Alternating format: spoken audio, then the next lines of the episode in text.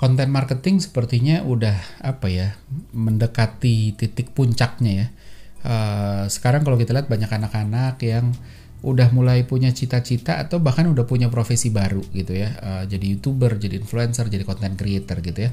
Uh, kalau makan di resto kita sekarang sering ketemu ketemu aja momen di mana orang ngomong sama kamera ini ngapain sih dia makan sambil video call atau gimana? Ternyata enggak ternyata lagi bikin review makanan gitu ya.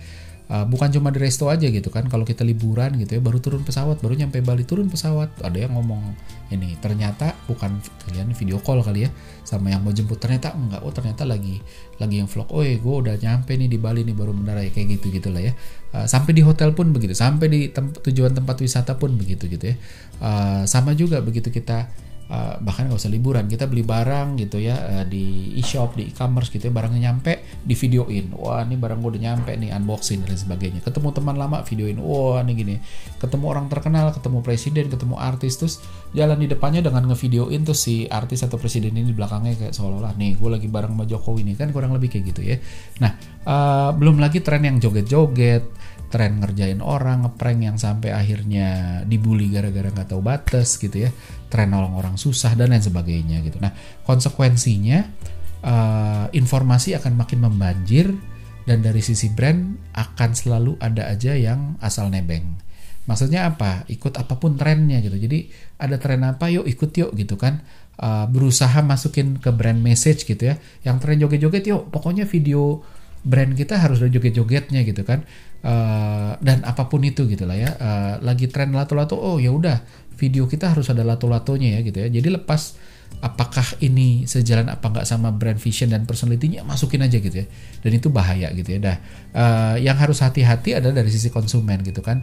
Yang akan bikin uh, apa ya attention makin scare makin susah makin langka gitu ya.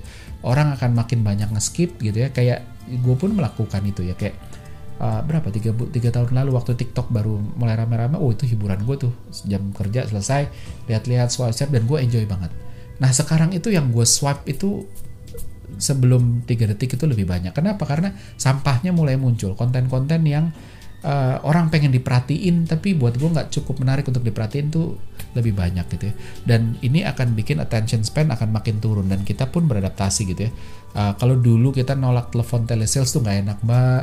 Sorry ya saya lagi belum butuh nih untuk yang sekarang kan gitu ya.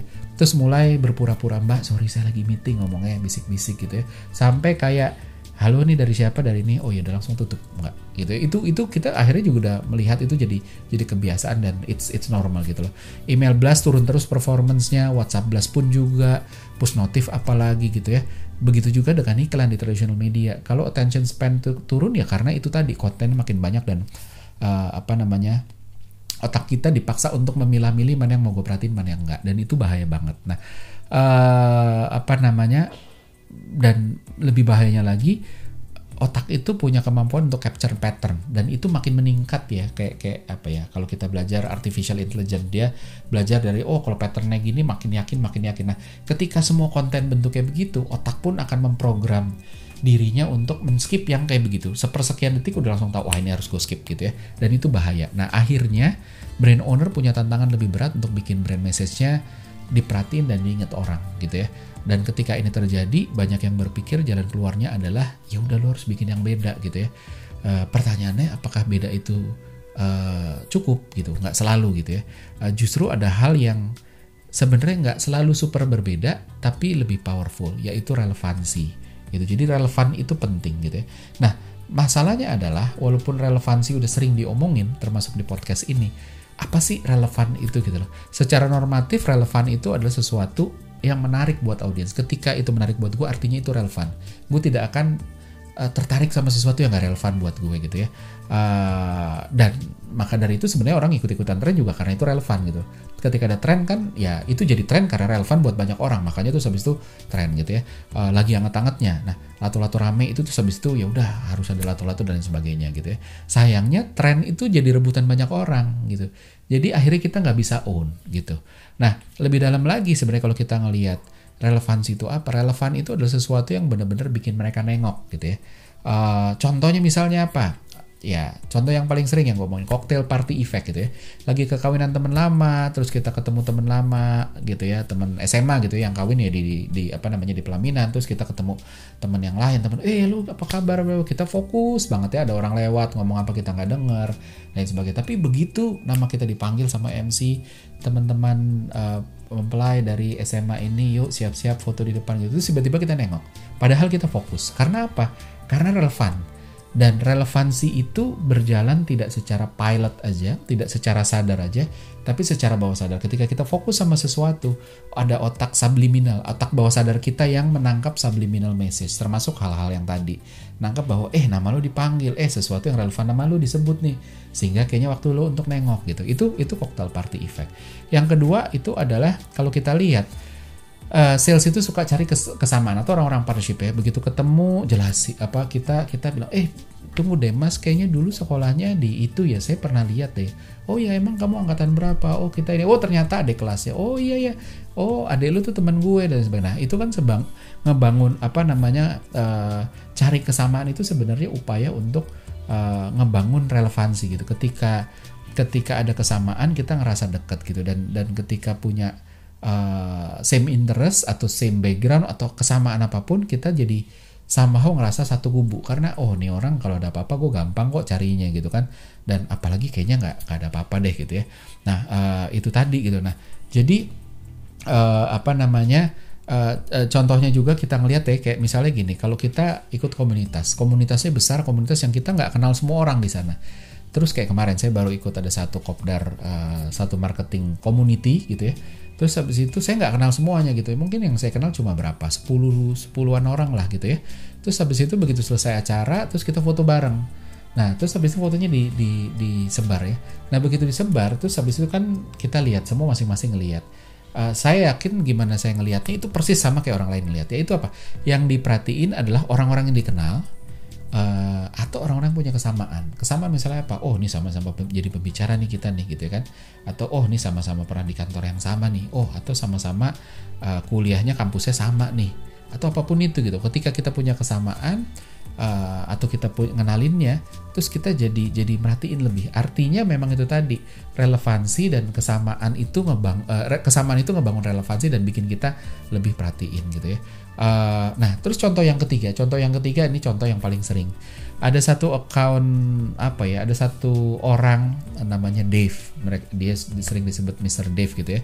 Uh, dia punya account namanya Londo Kampung kalau nggak salah. Ini orang Australia, tinggal lama di Surabaya, uh, ya di Jawa Timur lah, Surabaya kalau nggak salah ya.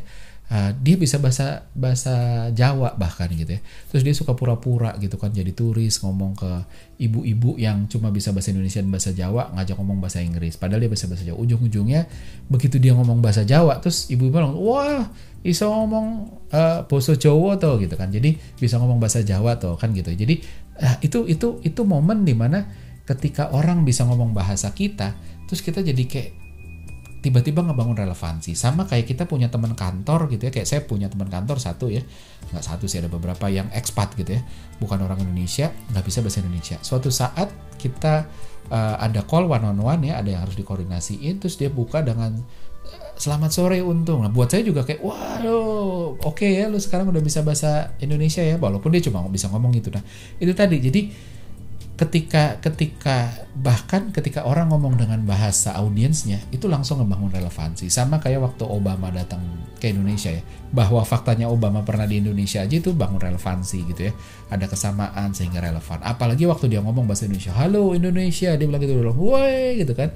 Orang tepuk tangan apa kabar? Terus semua makin makin ini ya. Ditambah lagi begitu sampai dilanjutin lagi gitu kan. Saya rindu bakso sate gitu kan. Pakai bahasa Indonesia gitu loh bukan bahasa Inggris ya. Orang makin wah langsung relevansi melejit gitu. Jadi itu tadi gitu bahwa relevansi itu punya apa ya somehow itu nge-trigger sesuatu yang personal yang membuat kita jadi ngerasa dimengerti kita jadi ngerasa satu pihak gitu ya nah terus yang terakhir adalah nih yang penting ya contoh uh, terakhir adalah ketika orang baru ketemu terus habis itu ketika nyapa itu nyebut nama. Itu rasanya luar biasa gitu kan. Ketemu terus habis itu udah selesai oh ya uh, makasih banyak ya Pak Untung ya nanti kita kirim ya. Uh, nanti kita invite deh undangannya buat Pak Untung sama teman-teman gitu kan. Itu itu rasanya langsung tiba-tiba di, di hati tuh kayak er langsung langsung apa ya? Langsung kecolek dibanding makasih ya pak. Nanti uh, bapak kita invite lagi ya. Nah itu itu beda.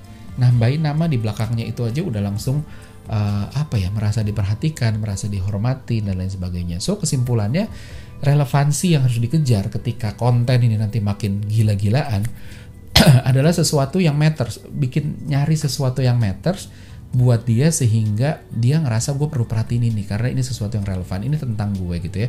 Uh, nah brand harus ber, harus bisa bangun relevansi di level itu gitu ya. Nah kenapa diperhatiin? Ya karena itu tadi karena matters karena ini kesamaan karena ngerasa dimengerti bahasanya sama ada kedekatan dan lain sebagainya. Nah apa yang bisa dilakuin sama brand untuk uh, untuk bisa ngebangun relevansi ini? Pertama adalah secara praktikal aja ya uh, yang pertama adalah speak their language gitu ya. Ba pakai bahasa bahasa mereka. Iklan uh, di daerah dengan bahasa setempat itu terbukti lebih mengena karena orang ngerasa ih dia brand internasional bahkan ya. Ngomongnya bahasanya misalnya di mana di Tasik gitu ya bahasanya bahasa Sunda. Orang jadi ngerasa wah ini uh, punya kedekatan gitu ya. Uh, atau bahkan bahasanya nggak harus bahasa daerah gitu tapi oh, ketika segmen segmen tertentu bisa pakai bahasa-bahasa slang, istilah-istilah yang biasa dipakai sana gitu ya. Tapi memang harus autentik dan luas gitu ya. Kalau enggak jadi aneh gitu kayak kayak apa ya? Kayak ya ini ini bukan berusaha rasis ya, tapi kayak ngelihat orang Jawa yang medok banget ngomong uh, apa pakai bahasa Jakarta tapi logatnya medok gitu kayak iya gue nanti gue gue kirimin udah nah, nggak jadi nggak enak gitu jadi otentik aja gitu kalau memang terlalu medok ngomong aku kamu malah lebih enak dibanding pakai gue tapi medok gitu ya. Jadi uh, apa ya ber, harus berlatih untuk luas uh, secara otentik gitu ya. Kalau nggak bisa ya udah apa adanya. Otentik itu penting. Yang kedua bangun kesamaan. Ambil dari angle di mana mereka berdiri, pakai perspektif yang sama gitu ya. Manfaatin kesamaan kalau ada gitu ya. Uh, contoh misalnya kayak si siapa Jawa Pos bilang korannya Jawa Timur itu kan sebenarnya ngebangun kesamaan. Gojek bilang karya anak bangsa itu ngebangun kesamaan. Dan yang terakhir yang paling penting consumer insight gitu ya. Selalu cari anxiety sama desire-nya mereka tuh apa. Gitu sesuatu yang bikin mereka stay awake at night, sesuatu yang kalau disebutin orang langsung ih apa nih? Triggering gitu ya. Itu langsung ngebangun uh, apa ya uh, connection ngebangun relevansi dan sesuatu yang kalau ini diselesain itu rasanya lega banget gitu ya. Bukan cuma kayak mm, iya sih tapi ah itu dia. Jadi harus sesuatu yang wah oke okay nih boleh nih gitu ya. Jadi itu tadi. Jadi kesimpulannya ketika konten makin luar biasa banyak uh, otak kita akan memprogram dirinya untuk aduh ini gue pinggirin dulu deh. Enggak deh makin banyak makin banyak. Kita akan makin tega untuk tidak menempatkan attention di banyak hal itu dia. Kita lebih akan tega untuk ngefilter ini aja yang gue perhatiin dan caranya untuk ke sana adalah relevansi ngebangun relevansinya kurang lebih di level itu